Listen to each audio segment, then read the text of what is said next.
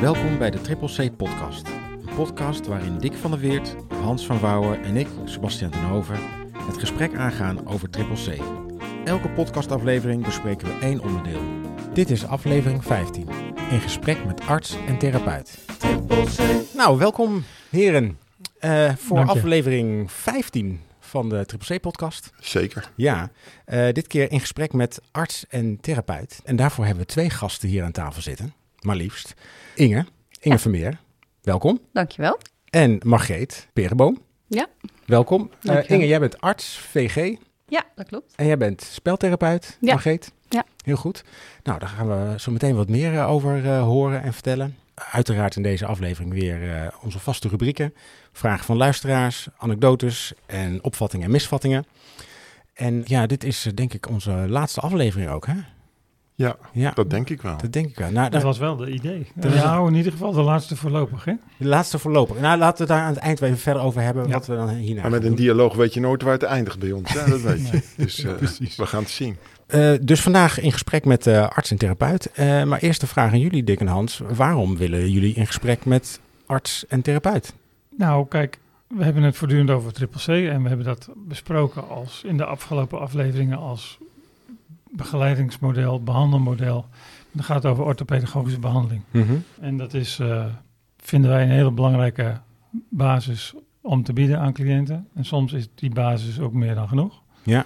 Want je kunt daar ook in variëren, in intensiteit, et cetera. Maar eh, het lichamelijk welzijn is natuurlijk voor iedereen ook een belangrijk aspect. Dus het is goed dat, er dat daar een arts Ja. ook een beeld is bij cliënten in het algemeen. Mhm. En zeker bij cliënten met eh, psychische stoornissen en gedragsproblemen en, en een verstandelijke beperking, ligt het natuurlijk voor de hand dat er een arts VG Ja. bij betrokken is. Zit ook in de indicaties trouwens, eh, in de hogere indicaties. Ja, ja, ja. ja. Eh, en therapie eh, kan ik nog wel heel kort ook iets over zeggen, voordat Margreet straks ons daar alles over gaat vertellen. therapie moet, kun je niet loszien van een goede begeleiding tijdens het dagelijks leven, bij het wonen, werken, et cetera. Mhm. Eh, als je alleen maar therapie zou krijgen, een uurtje in de week, bij wijze van spreken, en je hele leven in de rest van de week wordt niet goed ondersteund. En Ja. daar, daar heb je niet de goede mensen om je heen om je, om je hoofd boven water te hou- Ja. Ja, dan heeft het geen enkele zin. Dan, dan is het eh, dweilen met de kraan open, zeg maar. De continuïteit van wat je in de therapie doet. Als je en natuurlijk in hele slechte omstandigheden, dat, ik zeg het nu zo, een beetje, misschien een beetje strak, maar het, het komt wel vaak voor. Ja, Dat mensen in hele belabberde omstandigheden leven, geen geld hebben, geen, Ja. geen steun, geen netwerk, ja. niets of niemand om zich heen hebben en echt aan het overleven zijn. Ja, dan kun je natuurlijk leuk naar Margreet, eh, naar de speeltherapie gaan. Ja, Maar dan is wel de vraag wat het dan het effect is. ja Dus het is natuurlijk mooi als die therapie bovenop een goede eh, behandeling, begeleiding komt om de specifieke dingen aan te pakken die, Ja. eh, die niet behandeld worden in de orthopedagogische behandeling, maar waar een psychologische behandeling voor nodig is. Ja, oké. En hoe uit triple C zich dan in, in therapie en bij een arts? Ja, dat gaan we nu ontdekken. Dan Ja. gaan we, ja, Ja, dat Nou. hopen we tenminste. ja en misschien nou even beginnen bij eh, hoe jullie hier bij ACZ, eh, of hoe lang jullie al hier bij ACZ werken en eh, bekend zijn met, eh, met het model. Eh, mag ik beginnen bij jou, Margreet? Ik werk 34 jaar eh, bij ASVZ. Ja. En dat was in 90.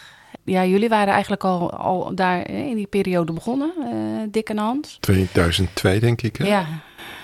Ja, zoiets rond die tijd is dat 2001. geweest. En, Ja, eh, ja. en ik werkte zelf in eh, een locatie in, eh, in Rotterdam. En toen kwam er een fusie. En zo is eh, Triple C eigenlijk geïntroduceerd ook Ja. eh, in, eh, Dat kregen in jullie die met de locatie. fusie erbij, zeg maar. Kregen wij Ja. met de fusie erbij, ja. Ja. Ja.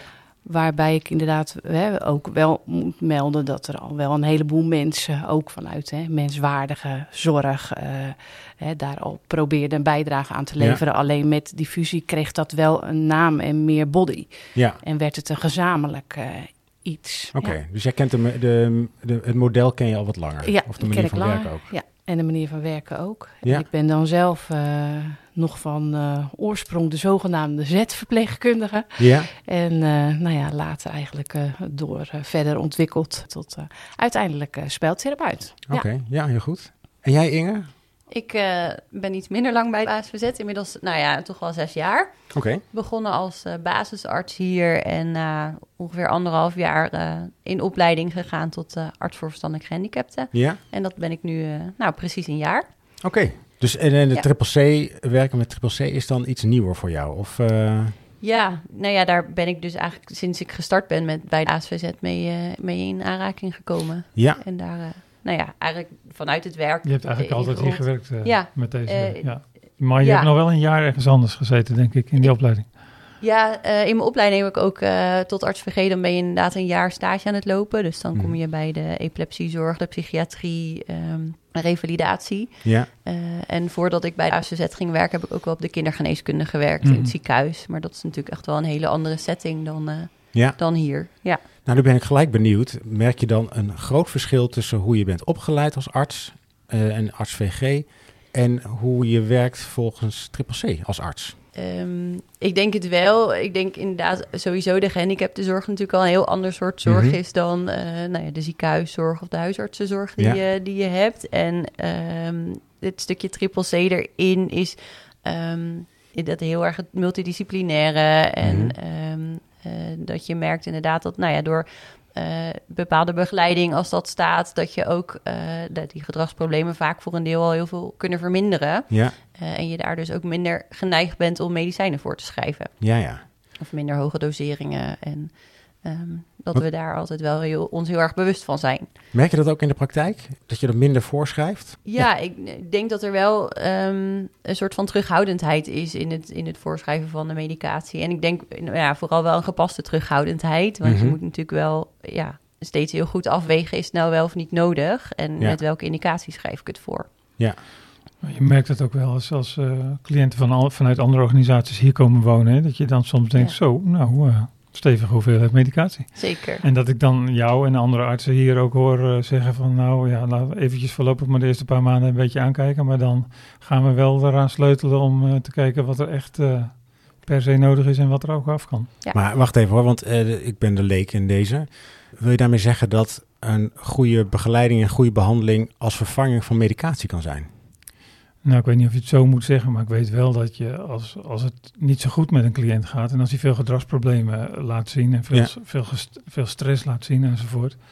dat als je daar niet goed zicht op hebt of dat niet zo goed begrijpt, dat je dan moet, moet vanuit handelingsverlegenheid, zeg maar, Ja, eh, misschien de neiging hebt om naar de dokter te gaan en zeggen: kun je, kun je hem wat eh, pillen geven waardoor die wat rustiger wordt? ja, ja. ja. Terwijl als je, op, als je met een andere eh, bril kijkt en je misschien meer eh, aspecten ziet die in dat leven aangepakt kunnen worden, Mhm. waardoor die stress van die cliënt vermindert.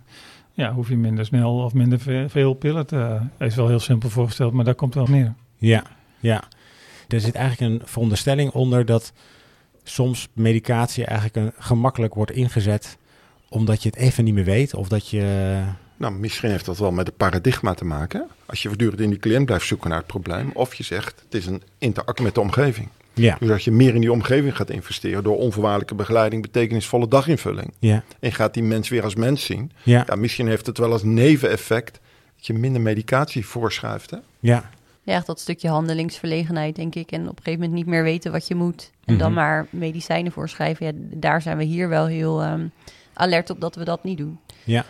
Oké, en dat, dus dat doe je ook in het team. Dat moet je in je hele artsenteam ook... eh Ja. Daar moet je één lijn in hebben natuurlijk. Ja, zeker. Ja. Nou, ik hoor ook wel eens mooie berichten eh, van die begeleider. Zegt, ja, maar wij willen die medicijnen en die arts wil dat niet voorschrijven. Omdat we eerst maar eens moeten investeren in onze begeleiding. Denk ik, nou, Ja. dat vind ik wel een mooi eh, krachtig signaal vanuit jullie eh, discipline hoor. Ja, ja, soms moeten we even ons best doen. Maar, Dat is ook eh, wel een ontwikkeling die, die, die eh, de artsen hier hebben doorgemaakt, denk ik. Dat is voor jouw tijd denk ik geweest, Inge. Maar dat eh, aanvankelijk toen, toen hadden we natuurlijk ook artsen die eh oxazepam en, en, en allerlei psychofarmaca voorschreven. Ja. Zonder dat er nou uitgebreid ook eh, multidisciplinair overlegd was. Mhm, mhm. En ik weet nog wel in mijn, eh, dat, dit valt even onder de categorie anekdotes misschien. Oké, Maar ik, eh, ik was vroeger dan orthopedagoog van zo'n paviljoen. En dan liep ik zo'n rondje over het paviljoen. Dan was ik hier bij die woning, bij die woning, bij die woning. En toen werkte ik samen met een dokter. Ja. Nou ja, samen. Maar toen werkte ik met een dokter en die deed ook een rondje op vrijdagmiddag. En die ging dan in dat rondje allerlei pillen voorschrijven. Ja. Waardoor ik dacht, ja, daar gaan al mijn zorgoverleggen en alles wat ik tot nu toe besproken heb. Ja. Want dat eh, wordt eventjes gewoon gedempt. ja. En eh, die tijd is natuurlijk heel lang geleden. Ehm, en toen hebben we op een gegeven moment gezegd, nou, het zou mooi zijn als de dokter, eh, als die pillen, tenminste als het over gedrag en, en hè, als over psychofarmaca gaat, Mhm. zo mooi zijn als die dus overlegt met de orthopedagoog of die psycholoog. Van wat vinden we daar samen van, in plaats van wat vindt de dokter daar alleen van. Ja. Omdat natuurlijk ook wel eens eh, begeleiders die op vrijdagmiddag denken, oeps, eh, ik ga een heel weekend in en die cliënt is zo gestrest. Op vrijdagmiddag naar de dokter gaan en zeggen, kan je wat pillen voorschrijven? Ja. En dan is het mooi als daar wat breder over nagedacht is, zeg maar. Ja. En in dokters in het begin moesten daar wel een beetje aan wennen. Dat ze niet meer helemaal uit zichzelf en zelfstandig die pillen gingen voorschrijven. Maar dat het ook wel handig was om met de pedagoog en psycholoog even te overleggen. Ja. En nu is dat eigenlijk, ja, nu zou je het te gek vinden als het niet, eh, niet gebeurde. Precies. Ja. Maar dat, dat was dus toen echt anders kijken, Ja. anders doen. Ja, En ik hoor ook gewoon veel afstemmen met, met de orthopedagoog, met de teamleider, met de persoonlijk begeleider. Ja, precies. Ja, de- echt het dat beeld van de cliënt ook bepalen. Hè? Ja. We vallen natuurlijk onder zorg, ondersteuning en Ja. ontwikkeling. Hè? Daaronder, nou, nou, daar vallen wij dan hè, onder diagnostiek en behandeling. Hè? Dus die samenwerking is er ook. Ja. En eh, die diagnostiek, eh, hè, die kijkt niet alleen naar het topje van die ijsberg, maar wat zit daar ook onder. Ja. Hè? Dus je kan ook gerichter aanvullen in wat er dan nodig is. Ja. Hè, zowel eh, op medicatie, hè, maar in die context eh, op de woningen. Ja. En, eh, en nou ja, dan ook de therapie. Ja. Ja. Ja. En ik zit nog even door te denken over voor artsen, hè, de- hoe dat dan anders is in de praktijk. Dus, dus ten eerste al, je, je schrijft minder snel voor. Hè, dus je gaat ook, je legt de bal misschien ook weer terug op de woning. Van nou ja, ga eerst maar eens meer in die begeleiding kijken of wat- kijk eens wat onder, de, onder het topje van de ijsberg zit. Voordat we naar medicatie gaan, eh, gaan grijpen. Maar bijvoorbeeld een spreekuur. Ja. Ziet dat er dan ook anders uit bij jullie dan? Hè, want het- ik kan me voorstellen, normaal ga je naar de. Ik relateer het even naar mezelf. eh, Mhm. ik ga met mijn, met mijn kind naar de arts. En eh, nou, die kijkt ernaar. Dan zit ik erbij, ik luister. Vervolgens ga ik naar de apotheek, haal ik wat en dan ga ik naar huis. En dan eh, iedereen blij. Ja. Hoe gaat dat hier dan? Soms gaat het ook zo. Mhm. Ehm, maar eh, nou ja, als het meer om inderdaad klachten gaat als eh, gedrag of eh, achteruitgang daarin of vragen daarover, ja, dan, dan kom je nog steeds bij ons op het spreekuur. Ja. En, en vragen we nog steeds, dus stellen we nog steeds heel veel vragen. We doen onderzoek. Maar als je dan soms de overweging gaat maken van ja, moet ik dit nou verhelpen met medicijnen? Of, hè, of is er nog iets anders wat daarin kan, kan helpen? Ja, dan, Mhm. ehm, dan volgt er eerst daarna overleg in het team. Dan probeer je een MDO te plannen met de orthopedagoog erbij en eh, Ja. begeleiding erbij. En nou ja, desnoods nog eh, fysiotherapeuten, ergotherapeuten, alle paramedici. Om, ehm, om daar een plan om te maken en met elkaar te beslissen welke richting we opgaan. Ja, En het antwoord kan nog steeds zijn dat er wel medicijnen gestart worden. Maar je doet dat met ja, wel een goede gedachten erachter en eh, goede afwegingen. ja. En ook weer een plan met hoe je dat gaat opvolgen. Maar dat is wel meer werk voor jou als arts dan bij reguliere arts. Even gechargeerd. eh, en Klopt. anders schrijf je wat voor. Daarom en, is het ook arts VG, hè? Daarom is het echt een apart specialisme. Ja, ja. Ja. nee, oké. ja. Sorry, Ja. Dick. Hè. Dat wordt, nee, maar, maar dat wordt dan ook weer duidelijk in het land, hè? Dat niet Ja. zomaar een vak is, maar wel Nee, gespecialiseerd Ja. voor eh, alles wat we hier doen. Ja, Ja. ja, wij precies. zijn er heel Ja. blij mee. Nee, dus zo'n spreekuur waar dan normaal misschien een eindstation is, want je, hebt dan, je krijgt dan een medicatie voorgeschreven, is het nu eigenlijk het beginpunt van een, Ja. van een nieuwe zoektocht. Hè? Want ze komen bij een arts omdat ja, je, je stokt ergens, denk ik. Ja. Je komt ergens niet eh, verder, Ja. dus dan ga je naar een specialist, naar een arts of iets anders. Mooi beginpunt. En eh, je zei al therapieën. Nou, eh Margreet, waar, wanneer kom jij dan om de hoek kijken in zo'n traject? Ja, nou ja, en wat ik al zei, hè, we vallen onder diagnostiek en behandeling. Dus dat is ook nou ja, altijd een, een samenwerking Mhm. die er is met elkaar. Waarbij er eerst altijd een intake is. En ik moet ook zeggen, het is niet, niet alleen voor de intensieve zorg. Hè. Het is eh, heel organisatiebreed. Oké, Hè, dus, dus ook, eh, ook mensen die eh, eh, vanuit ambulant ondersteuning krijgen, regulier. eh, en zeker ook eh, natuurlijk intensief. Mhm. En eh, nou ja, waarbij ik de, de, de vaktherapie, hè, waar mijn eh, professie dan ook onder valt, eh, hè, wat ik ook een beetje in lagen zou kunnen hè, Ja. onderverdelen. Hè, als er een intake is, hè, betekent dat niet met, per definitie een intake aan tafel. Oké. in de gezamenlijkheid met eh, het systeem. Maar het kan dus ook zo zijn dat ik als vaktherapeut eerst eens even bijvoorbeeld op een woning ga kijken. Hè, als er Ah. dan een, eh, een vraag komt, eh, wat we onlangs hadden, om even een voorbeeld eh, te noemen. Dat eh, een, eh, een jongen die liep altijd weg en daar hè, liep het team enorm mee vast. Ja. En dan kan je natuurlijk meteen zeggen, oh we gaan eh, pillen geven of we gaan therapie geven. Ja. Hè, maar als je eens even kijkt naar die intake en de leeftijd, klopt die context? Is er speelgoed op de woning? Hè? Staat er een beetje ritme voor zo'n jongen? Ja. Wat maakt nou dat hij wegloopt? En nou ja, in dat gesprek kwamen we er met het team op uit. Ja, het was eigenlijk geen weglopen, want die jongen die verstopte zich in de tuin. En Oh. verstoppen is iets anders dan ergens vandaan willen. Ja. Hè? En dan eh, Als je je verstopt, wil je gevonden worden eigenlijk. hè? gevonden worden. En is Ja. zo'n jongen het waard om gevonden te Ja. worden? En, eh, en dan heb je een ander gesprek eh, met begeleiders en met zo'n team. Hè, waarbij we in dit geval ingezet hebben van nou gaan we nu eens extra die jongen zoeken. Hè? Ga, gaan we roepen als hij een geluidje maakt. Oh, hè, noem zijn naam. Hè? Ja, Laat ja. zien dat hij het waard is om, eh, hè, om naar te zoeken en gevonden te worden. En vervolgens zag je, die jongen die ging zich vaker op dezelfde plek verstoppen. Hè? En er ontstond een hele andere dynamiek in die relatie eh, tussen die jongen en die begeleiders. Nou, en dat stukje hebben we ook gezegd. Hè, deze jongen heeft heel veel meegemaakt eh, in zijn verleden, hoop traumatische ervaringen. Hè, Mhm. En dan komt dat stukje speltherapie ja. eh, aanvullend op wat er op de woning eh, hè, gegeven wordt. Ja. En, eh, nou ja, en dan in, die in die therapie ga je kijken. Hè, is zo'n jongen in staat om nou, daarin nog wat te verwerken over zijn verleden. Hè, Ja, om zijn ja. vader en moeder die hij niet meer ziet, toch een plek te kunnen geven. En Ja. zo eh, ga je dan eigenlijk met elkaar verder. Maar het is altijd ondersteunend aan die relatie tussen die begeleiders en die eh, cliënten. Ja. Maar dit is een, een voorbeeld. Ja, ja. Ja, ik vind het ook wel een mooi voorbeeld van dat je dus als therapeut iets ziet en meemaakt met een cliënt. Of, eh, eh, wa- waardoor je ook weer advies aan de begeleiders kunt geven, Ja. zeg maar. En eigenlijk is dat misschien nog wel het grootste onderdeel van mijn vak. Hè, ondersteunend eh, nou ja, in die praktijk waarin eh, mensen leven. Omdat ook in eh, nou ja, die kleine therapieruimte, als we het daar houden, zal het geen effect hebben voor, voor deze jongen. Want hij is zelf niet in staat om het te generaliseren. En wat wel mooi was in deze therapie, is op een gegeven moment in zijn spel eh, merkte ik eh, dat hij eh, wat geluiden ging maken, wat ritmische geluiden met zijn vingers. Hè, hij had iets uitgespeeld wat heel hè, intensief was voor hem. Mhm. En daarna kwam iedere keer weer dat geluid. En toen dacht ik, hé, hey, hier ligt een behoefte onder hè, voor deze jongen. En wat zou dat zijn en wat is dat voor ritme? En toen kwamen we er eigenlijk achter dat hij heel goed muziek kon maken. Nou ja, hè, en dan kan je vervolgens zeggen: Oh, gaan we deze jongen naar muziektherapie eh, sturen? Of gaan we in die context eh, kijken, kunnen we deze jongen in eh, zijn vrije tijd wat meer met muziek laten Ja. doen? Nou ja, en dat is uiteindelijk gebeurd. Ja, en dan vertaal je eigenlijk het hele plaatje eh, richting het leven van zo'n jongen.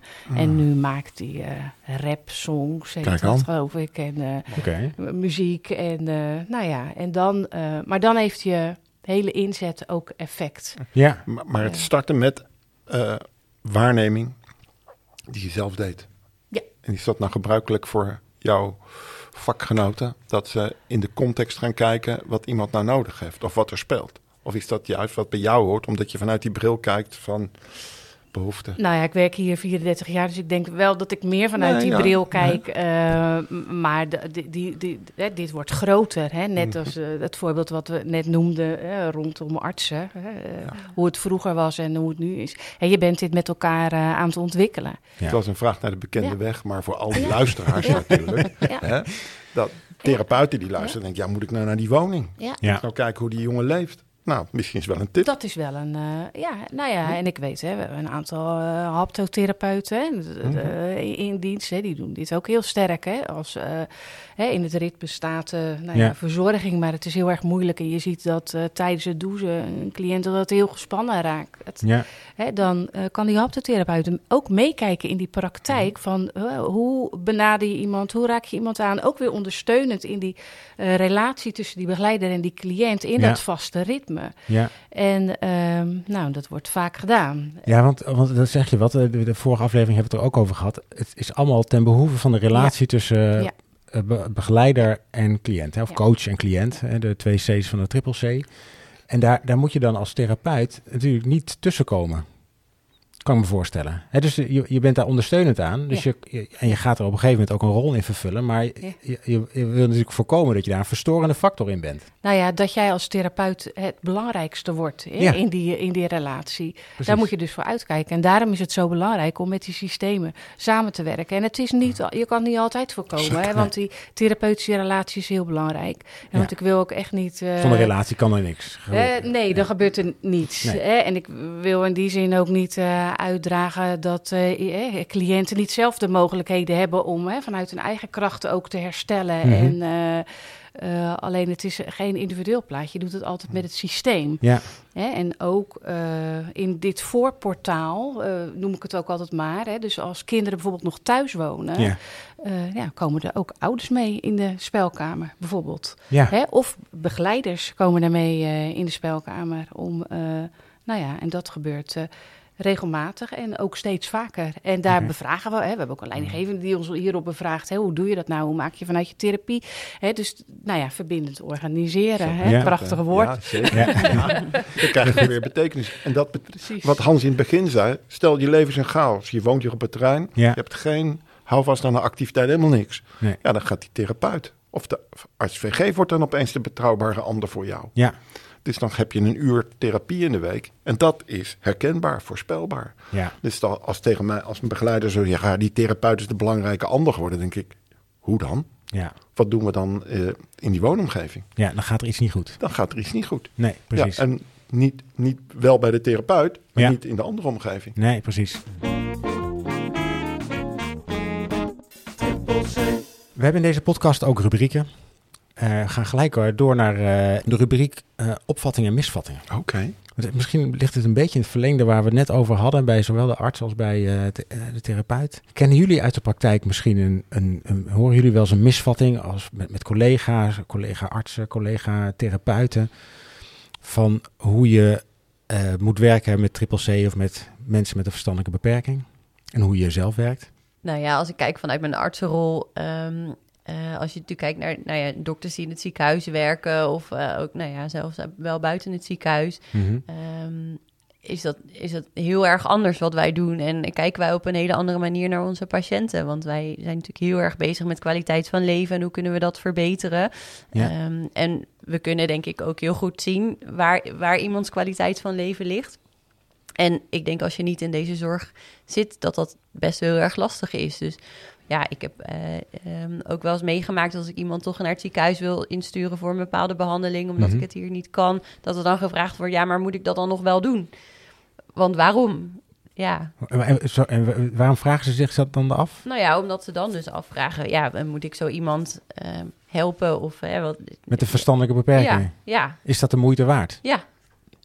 Nou, dat vind Ja. ik best een... eh, Ja, over menswaardigheid Dat gesproken. is ja. me- ja, ja. En daar, soms moet je daar echt voor vechten. En dat doen we dan ook. mhm. Eh, en nou ja, goed, daar, daar proberen we ook steeds meer in, in samenwerking te zoeken met het ziekenhuis. En merk je dat sommige specialisten daar ook echt wel eh, meer voor openstaan. En Ja. eh, ook wel weten dat als we bellen, dat we niet voor niks bellen. Ja. Maar dat er dan ook echt iets nodig is. Want als het niet nodig zou zijn, ja, dan doen we het niet. Nee, Ja. precies. Nee, ik ben, ik ben, ik ben eh, geschokt. ja, Ja, je zou dat een traditiebotsing kunnen noemen, hè? ja, waar we natuurlijk heel veel uitzendingen over hebben gehad. Het is maar hoe je naar de mens kijkt. Ja. Zie je een mens met een verstandelijk beperking als een volwaardig mens, net als jij en ik, Mhm. gelijkwaardig. Mhm. Nou, heb je daar andere een kijk op, dan zou je dit soort botsingen kunnen krijgen. ja. Ja, en wat we nu tegenwoordig wat meer horen, ook in de ouderenzorg, is van moet je nou een dag toevoegen aan het leven van een oudere of een leven aan een dag toevoegen? Hè? Dus is het nog heel erg zinvol om dan het leven nog iets op te rekken voor een week of twee, eh, met, met te- tegen heel veel kosten, maar ook eigenlijk best veel lijden en misschien een- weinig kwaliteit van leven. Hè? Ten opzichte van eh, moeten we daar, kun je niet beter ervoor zorgen dat in die laatste dagen gewoon heel erg betekenisvol zijn geweest en dat iemand een heel mooi einde heeft. Dus ik, in, die, in die lijn kan ik me wel voorstellen dat- dat je die discussie hebt. Hè, van moet je nog Mhm. een, Mhm. een dag aan het leven toevoegen? Of Ja, moet maar je... dat staat los van Ja. je eh, al dan niet, eh, of je al dan niet een verstandelijke beperking Nee, hebt. precies. Dat, daar staat helemaal los van. Dat heeft Dus, er weinig mee te maken. Ja. klopt. Nou, dat, dat Ja. is best een, een opvatting of misvatting. Ja. Zeker. Margreet, kom jij misvattingen of opvattingen Nou ja, tegen? dat van- therapie eh, niet bij triple C zou passen. Oh, hè. Dat is, een, eh, dat is wel een- ook een, eh, een behoorlijk misverstand. En waarom denkt men dat? Nou, misschien heeft dat ook wel een beetje met het verleden te maken. Kijk, vanuit Triple C, als er alleen therapie gegeven wo- wordt en er wordt niet gekeken naar die context en die behandeling daaromheen, Mhm. ja, dan eh, eh, heeft het minder effect of geen effect. Hè, dus we willen eh, de, de, de volledige behandeling eigenlijk aanbieden. Ja, en ik denk ergens is daarin wel ontstaan, eh, ja, is dit misverstand eh, ontstaan. Nou, misschien is ook van een beetje daaruit van- eh, ook op een gegeven moment laten we, ons, laten we eerst die behandelingen op de dagelijks, in het dagelijks leven nou maar eens goed neerzetten. Hè? De Ja. eerste, dat wonen, werken, vrije tijd en zelfzorg goed op orde hebben. En dan hoeft therapie En, helemaal en niet. dan, dan, dan kijken we daarna of die therapie nog nodig is. En misschien is dat wel af en toe doorgeschoten in, eh, nou het loopt toch goed zo en eh, problemen zijn gestabiliseerd. En ja, waarom zou je nog iets aan met therapie doen? Ja, ja. Nou, de laatste jaren is er natuurlijk zijn we ook allemaal weer daar weer verder en, Mhm. en verder ingekomen. We, herkennen meer eh, ja, trauma's, we herkennen meer eh, ingrijpende gebeurtenissen uit, eh, Mhm. die, die mensen doorgemaakt hebben in het verleden. En, en we zien ook dat daar resultaten te behalen zijn door therapieën bij normaalbegaafden, maar ook door therapieën aangepast bij mensen met een verstandelijke beperking. Ja. Dus het, eh, ja, het is alleen maar mooi dat het goed op elkaar kan aansluiten. En, Mhm. en, en, en dat je er niet bent met alleen maar eh, eh, lekker werken en goede zelfzorg en, en Mhm. leuke vrije tijdsbesteding natuurlijk. Ja, daar wou ik bijna op inhaken. Dus stel je voor dat probleemgedrag neemt af. Ja. Dat je denkt, we zijn er. Ja. Maar stel je nou voor dat de cliënt nog veel meer door kan groeien... als we ook dat onderliggende trauma Ja, kunnen benaderen. Ja. Door, nou ja, door de therapeut. Ja, ja, ja. Of door een arts-VG. ja. Ja, dan komt zo'n cliënt nog veel beter tot zijn recht. Hoeveel mooier kan het leven dan nog zeker, worden? zeker. En komt iemand ook in zijn eigen kracht? En waarom zou iemand met een hè, verstandelijke Exact, beperking of met exact, autisme hè, zijn eigen kracht niet eh, kunnen en mogen Ja. ontdekken? Want het is bijna ondenkbaar, Mhm. de- al de mensen die ik wel ken... alles wat ze meegemaakt hebben, dat je daar niks aan oploopt. Mhm. Hè? Het onderliggend trauma Ja. van de vele uithuisplaatsingen, de fixaties, die, de manier van isoleren. Dus Ja. het, is- het zou van de profession wel heel kortzichtig zijn. Oh, de behandeling is triple C, zelfzorg, wonen, werken, vrije tijd, onvoorwaardelijke begeleiding en dit zit. Nee, Ja. Ik denk dat juist de mensen die hier aan tafel zitten, dat ondersteunen met ons, dat er veel meer is Ja. om te kunnen en om te doen. Want dan zie je ook dat je die mensen met die verstandelijke beperking weer als gelijkwaardig ziet. Ja, ja, precies. Kan ik dan stellen dat als je kijkt naar het probleemgedrag en dat voorkomen van probleemgedrag, dan zit het met name in de dagdagelijkse begeleiding en behandeling. Wil je kijken naar de onderliggende trauma's of eh, nou ja, problematiek of gebeurtenissen Nou, de die in het verleden zijn geweest, dan moet je naar therapie? De Of is dat- dagdagelijkse behandeling gaat niet alleen maar over het probleemgedrag en het voorkomen daarvan enzovoort, maar gaat vooral over het tegemoetkomen aan behoeften. Hè? Oh ja, En, eh, daar hadden we Ja. 15 afleveringen over gemaakt. over. ik snap het wel. Sebastian, we zijn nog maar bij 15, Vijf. maar eh, Ja. maar kijk, het, het ging natuurlijk over die gehechtheid. Ja. Dus Ja. op een gegeven moment wordt die gehechtheid zo goed. En weer naar dat vertrouwen en zelfvertrouwen. Ja. Stel je nou voor dat het vertrouwen en dat zelfvertrouwen op een of andere manier geblokkeerd wordt door het onderliggende trauma. Ja, Maar we zijn zo blij dat die cliënt geen probleemgedrag meer vertoont. Dus uiterlijke. ja, Maar dat innerlijke, dat heeft natuurlijk ook aandacht nodig. ja, ja, en dat is ja. een ander vakgebied dan begeleiden. Ja. Het is gewoon een vakgebied. precies. Nou, bij deze misverstand eh, opgehelderd. We hebben nog een rubriek. Mhm. En dat is eh, de rubriek eh, Vragen van luisteraars. En eh, we hebben een vraag binnengekomen gekregen van een arts. Oké. Ja, de Ja. arts. Rogier. Hij is dokter op eh Goeree dus niet eens zo heel ver hier vandaan. En eh, hij heeft eh, drie vragen. En ik denk dat één vraag sowieso al eh, beantwoord is.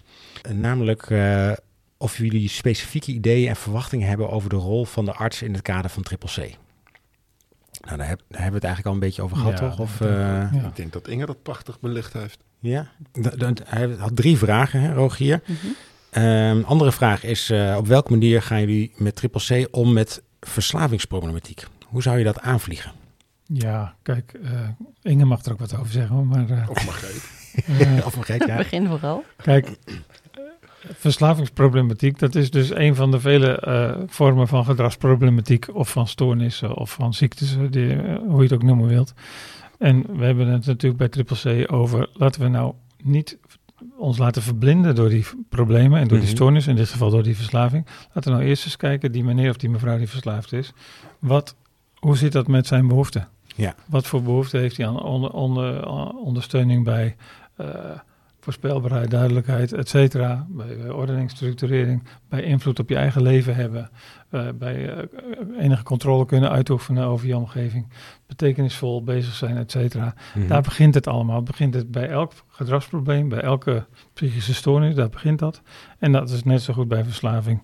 Eh, daarnaast zou het wel eens handig kunnen zijn als, je door, als daar ook medisch naar gekeken wordt. Als je echt verslaafd bent, zeg maar. Hè? Want we noemen ook wel eens iemand verslaafd, terwijl dat nog wel meevalt. Maar als iemand echt verslaafd is, Mhm. puntje, puntje, puntje, nu mag Inge verder. Nou ja, ja, inderdaad, als iemand echt verslaafd is, dan ehm, is dat eigenlijk ook weer een andere tak van sport dan dat wij doen als arts VG. Mhm. En daarin proberen we dan weer ehm, ook contacten te leggen met de verslavingszorg. Hè. De- je hebt ook verslavingsartsen, dat is ook Ja. weer een heel ander specialisme. Ehm, en nou ja, daarin kunnen we ook vaak toch wel fijn overleggen, omdat wij meer gespecialiseerd zijn op dat stuk verstandelijke beperking en hoe dat invloed kan hebben op je, op je verslaving. En Mhm. de verslavingsarts natuurlijk vooral de expertise heeft in hoe ga je nou met die verslaving om en hoe nou ja, kom je er weer af en Ja. eh, wat kan je daarin bieden. En zo kun je daar eigenlijk samen dan weer een mooi eh, plan mee maken. Maar ook hier, als ik het zo hoor, wat jullie allebei zeggen. eh, als ik het even zwart-wit zeg, dan in de reguliere verslavingszorg denk je van, oh, dit is verslaving. Dus moeten we, moeten we eh, Afkicken. afkicken, dit middel. Maar hier stellen we eerst de vraag van, goh, is er echt een verslaving? Eh, wat zit er eigenlijk onder aan behoeften en aan... eh, Ja, die verslaving is ook een keer ontstaan. Hè? Dus ook al Ja. als een, een, een symptoom van iets geworden, van, van iets wat eronder ligt. Misschien, misschien wel trauma's die daarin eh, onder Nou ja, liggen. en daarin is die diagnostiek dus heel erg belangrijk. Hè? Wat is iemand Ja. zijn voorgeschiedenis? Wanneer is het ontstaan? Hè? Was dat al op jonge leeftijd of is dat pas later gekomen? Eh, is dat gekoppeld aan een bepaalde gebeurtenis? Hè? Dat Ja. zijn wel allemaal hele belangrijke dingen om uit te zoeken. Wat Ja. ligt er nu onder dat topje van die ijsberg? Ja. Hè? Om vervolgens eh, daar, eh, nou ja, ook in de therapieën, hè? wat voor vorm is er dan eh, nodig? Ja, precies. En in de bestaande therapie. therapieën rondom verslaving wordt ook een gemiddeld genomen een groot beroep gedaan op de eigen verantwoordelijkheid van de, van de verslaafde, Ja. om maar even zo te noemen. Ja. En dat is natuurlijk als je met mensen met een verstandelijke beperking werkt, is dat, ja, moet je dat ook anders invullen. ja, natuurlijk. Ja. Ja, en dan nog iets. Je kunt mensen laten afkicken. Dat zal heel goed gaan in een gestructureerde omgeving, in Ja. zo'n kliniek. En dan kom je thuis. Je hebt Ja. geen werk. Je partner is er niet. Je mag je kinderen niet meer zien. De verleidingen liggen op de loer. Exact. Ja. Misschien was die verslaving wel ontstaan vanuit eh, verdriet en vanuit een trauma en vanuit leegte. Ja. Nou, de, de- het afkikprogramma heeft gewerkt tot de achterdeur. En bij de voordeur begint denk ik volgens mij je ellende weer. Ja. Dus ik denk ook als je dit al heel goed wil doen, dan moet je gewoon een geïntegreerd programma aanbieden. Ja. Ja, weer werken, zoeken naar werk of hier Mhm. zelfs wonen, werken, vrije tijd en houvast bieden. Ja, eigenlijk weer gewoon dat wat wij dan doen, dat triple C-model hanteren. Ja. En daar bovenop eventueel iets met medicatie doen. En daarbovenop eventueel iets met therapie doen. Ja. Ja. Waarbij je er denk ik ook niet van uitgaat hè, dat je het probleem oplost. Hè, je probeert Nee. iemand een goede kwaliteit van leven te geven, hè, in de Ja, hoop ja. dat iemand niet terugvalt. En het gebeurt natuurlijk in ons vak, nou, dat mensen terugvallen. En Ja. hoe kun je dat hè, verdragen met elkaar en toch vast blijven houden in eh, hè, alles waar je in gelooft. Ja. Hè? En nou, dat betekent eh, vallen en opstaan. En dat je ook wel eens opnieuw moet beginnen. En dat je dus Ja. weer opnieuw moet kijken. Oh, komt ook hebben we die behoefte goed hè, voor ogen? Sluiten we altijd nog goed aan? En dat Ja. doet ook op een beroep op onze pretentie dat we onvoorwaardelijk zijn, zeg maar. Juist, Ja. ja. Ja. Ja. Ja, En, dat dat we dat ook bij jou blijven op het moment hè, dat, eh, dat er een terugval is. Ja, en hier is het ook belangrijk om die teams in te- te sterken. Hè, want zij moeten hè, veel verdragen in relatie Mhm. hè, met eh, nou ja, mensen die dan in dit geval eh, ver- verslaafd zijn. Ja. Dus Ja. eh, die ondersteuning is, eh, die is heel belangrijk. Maar goed, er zijn al eh, wat eh, eerdere podcasts over geweest. Ja, maar, zo- maar niet zo specifiek over dit, hè? Oké, Nee. ja. Dit, dit hebben we voor jullie bewaard, zal ik maar zeggen. voor het laatst. voor het laatst, ja. Ja, en Rogier had nog een derde vraag. Het gaat niet specifiek over verslavingsproblematiek, maar het sluit wel aan op wat je net zei, eh, Margreet. Want hij vroeg zich ook af eh, of er casuïstiek is waar jullie zelf in vastlopen en waar dat dan in zit. Want je had het over vallen en opstaan, dus daar Ja. zit altijd weer opstaan bij. Hè? Maar eh, is er ook casuïstiek waar jullie in vastlopen? En waar zit, zit hem dat in? Nou, ik denk altijd, als ik al vastloop, loop ik in mezelf vast. Waardoor ik geen uitweg meer zie. Het is, Ja, ja. ja, En dan? Nou, eh, overleggen met elkaar. Ja. Wat, wat maakt nou dat je, dat je het niet meer zo ziet zoals het hoort? Of wat zie je over het hoofd? Maar ik ga eigenlijk nooit de verantwoordelijkheid bij dat team leggen of bij die cliënt. Dat heb ik wel zo geleerd. Mhm. Dus je hebt elkaar nodig om rijker te gaan kijken. Ja. Dus mijn idee kan wel helemaal niet stroken met wat daar nodig is. Maar misschien heeft, nou ja, ja eh, Margreet of Inge of Hans een beter idee of een betere invalshoek die je kunt Ja. proberen. Ja. Dus ja, we zullen best wel eens vastlopen, maar dan niet met die cliënt. Maar ik denk misschien met onszelf Ja. of de organisatorische voorwaarden die we niet op orde krijgen. Nou ja, kijk, Ja. wat, wat ik denk een, een grote fout zou vinden is als je, als, je het, als je niet bereikt met een cliënt wat je zou willen, het lukt niet om die uit een dal te halen of zo. Het Mhm. lukt niet om hem een beter, betere kwaliteit van leven te bieden. Er blijft ernstige zelfbeschadiging of nou, noem maar wat op. Ja. Eh, dat je dan niet denkt van, oh ja, maar ons verhaal werkt bij 99 van de 100 cliënten en bij deze ene niet. Dus Dit is de dat uitzondering. is dan nou eenmaal maar zo, jammer dan. Dus als je, Hmm. dat moet je natuurlijk nooit denken. Nee. Als wij op zo'n manier zouden vastlopen met iemand, en dat, dat, dat ongetwijfeld gebeurt dat af en toe, ja, dan ga je, ook eigenlijk wat Dick zegt, dan ga je te raden bij collega's. Dan eh, ga je koppen bij elkaar zetten, ga je multidisciplinair kijken. Buiten de organisatie eh, eventueel eh, Ja. roepen eh, CCE in. Laat andere professionals die andere ervaring hebben of en, en eh, met ons meedenken en meekijken. Net zolang tot we wel die, eh, ja, toch net dat zicht Ja, krijgen wat we daarvoor niet hadden, zeg maar. En dat kan jaren duren. Hè? Ja, Ja, dit, is soms natuurlijk, eh, dit is natuurlijk eh, zorg van de lange adem. Hè? Wet Ja. langdurige zorg. ja. Nou, dus ik verwacht het ook nooit dat het binnen een maand of twee maanden of drie maanden opgelost we maar is. nooit Nee. zeggen van, eh, ja, deze, probleem, deze cliënt is zo ingewikkeld, dat, dat, dat is zo'n complex geval, dat eh, die is uitbehandeld of zo. Nee, precies. geloof ik niet. Nee, maar ik heb ook wel eens Soms gehoord zijn dat... we zelf uitbehandeld, maar die cliënt is nooit uitbehandeld. Soms zijn wij zelf uitbehandeld en dan gaan we anderen erbij zoeken. Ja, nee, ik heb ook wel eens gehoord dat bij, eh, als je iets wil inzetten, eh, een nieuwe methodiek of een interventie, dat Of, dat eh, tot, me- medicijnen. of medicijn, dat het tot zeven weken kan duren voordat je het, eh, dat het echt effect heeft. Dus je, het is niet zo dat je iets inzet en dan morgen eh, is het gelijk eh de lucht geklaard. Nee, er zijn ook problematieken. Nou, ja, we hadden het net even over verslaving. Dat heeft soms wel 25 jaar geduurd voordat je bent waar je nu bent, om Ja. zo verslaafd te worden, zeg maar. Ja, Dan kan je ook niet verwachten dat dat in drie weken over is. nee, precies. Maar en deze vraag eh, die gaat precies over casuïstiek. Hè? Dus zijn er speciale casussen waarbij je denkt, nou, dit is, hier lopen we altijd in vast. Of hier werkt triple C toch net niet lekker. Ja, triple C, dat lukt dus niet om menswaardigheid te realiseren, vanuit de behoefte te kijken. Het lukt ons niet om onvoorwaardelijk te zijn en een betekenisvolle daginvulling te realiseren. Dat is voor mij triple C, hè? Ja. Ja. Ja, Maar is er, zijn er, is er bepaalde casuïstiek waarbij het niet... Waarbij je Volgens, va- eh, eh, volgens mij niet. Niet dat je zegt van er is een bepaalde soort probleem of een bepaalde soort casuïstiek waarbij, dat, waarbij je, de, waar je dus vastlopen. Nee, we zullen af en toe vastlopen. Maar dat heeft met zoveel, eh, ja, zoveel Niet met factoren te maken. Ja. Dat kan je niet koppelen aan een bepaalde stoornis of probleem of wat dan ook. Nee. Nou, dat zijn goede antwoorden voor, eh, voor Rogier.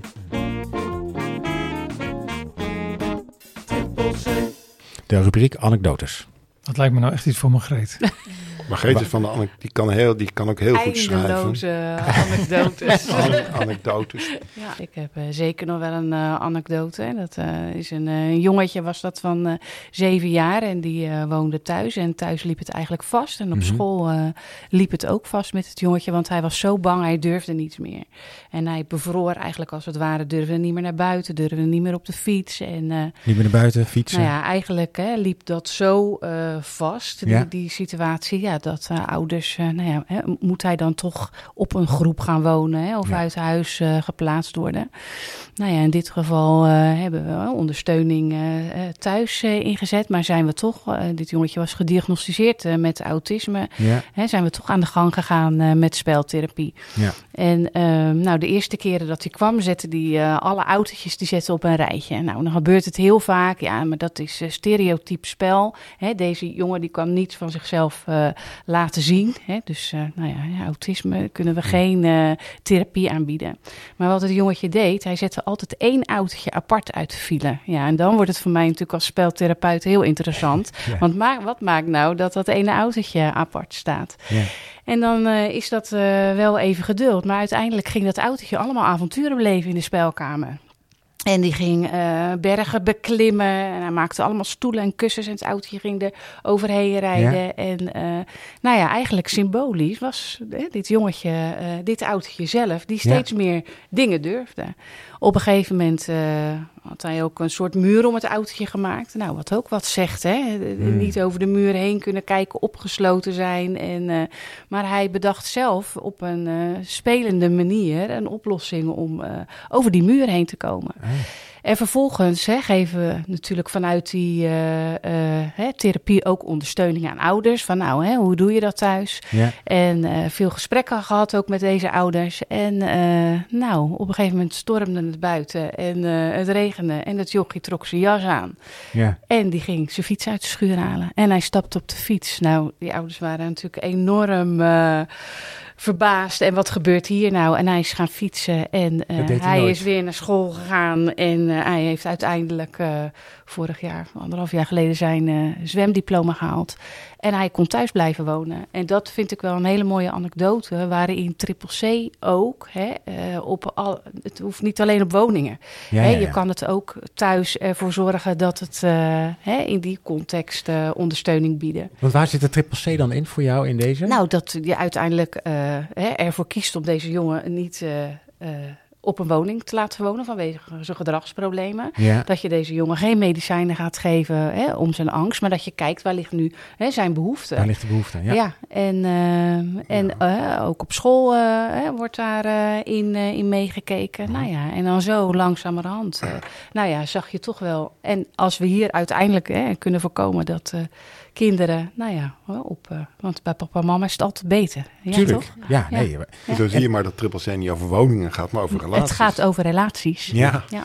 En be- begrijp ik nou ook goed dat je dus en de, de, de juf of de meester, de school, daarin mee hebt genomen en de ouders? Ja. Want zoals we in de, in de eh, eerdere afleveringen ook over de rol van de begeleider hebben gehad op een woning, gaat dan hier over wat je dan als Ja, ouders... wat je dan als ouders, maar ook wat je in het onderwijs eh, natuurlijk doet. Ja. En daarin zien we natuurlijk wel vaak ook een verschil van visie. Nogal, ja. En hè, de, nou ja, kinderen die t- toch of apart worden gezet. Of nou ja, je hebt eh, een systeem chair, je, ja. ja. het, het, waar je teruggeschoven wordt. En dan eindig je altijd in het rood, bijvoorbeeld.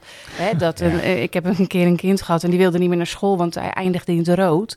Ja, omdat hij niet kon stilzitten. Oh ja. En dan, ja, je begint blijkbaar op groen in de ochtend en je eindigt in het rood. En dan eh, komt er een soort van, van straf op. Ja, dat zijn wel mooie gesprekken die wij hebben. Wel ook hè, vanuit diagnostiek en behandeling in het onderwijs. ja. Eh, dus het is, eh, blijft niet alleen hier binnen ASVZ, maar op deze manier. En door ook op deze manier het gesprek met elkaar aan te gaan, hoop je natuurlijk, nou ja, hè, dit ook breder met elkaar eh, in te kunnen gaan zetten. Ja. En Dus je een bent- andere manier van kijken. Naast therapeut voor de cliënt ben je eigenlijk ook coach voor, de, voor het systeem om de cliënt Voor heen. het systeem om de cliënt heen. Ja. ja. Ja, precies.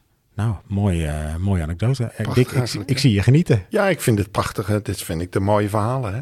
Dat je ziet dat dit model op mensen van toepassing is. Ja. En niet alleen op instellingen, maar ook in de jeugdzorg, in de ouderenzorg, in de GGZ. Ja, Ja, overal eigenlijk. ja. Dus mensen vragen wel, nog wel een mooi, is het model voor iedereen toepasbaar? Nou, Ja. ik, ik zeg altijd, als je de mens ziet als mens, dan denk ik dat, het heel goed, eh, dat je er heel goed mee uit de voeten kunt. Ja, ja, precies. Ja, dit vind ik weer mooi. Ja.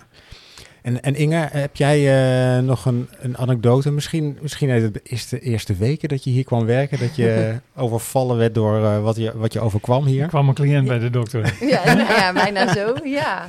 Ehm, ja, dat kan natuurlijk interessante tafereelen opleveren bij de, bij, de, eh, bij de dokter. Ik denk, toen ik inderdaad hier nog niet zo lang werkte, toen gingen we griepprikken geven. Nou ja, dat is iets wat je eigenlijk elk jaar doet. Mhm. Eh, maar wat voor sommige mensen heel erg spannend kan zijn. Maar ja, eh, toch wel gewenst. En ik denk dat we toen ook wel een mooie situatie hadden... dat we in een artsenkamer prikken aan het geven waren. Dat deden we dan in principe met z'n tweeën. Mhm. Eh, en eh, ja, je probeert natuurlijk heel erg te kijken naar de cliënten... van hè, bouwt die spanning op? Vindt hij, het, vindt hij het spannend? Hoe moeten we het aanvliegen? En dat we ook één cliënt hadden die nou, eigenlijk wel rustig binnenkwam.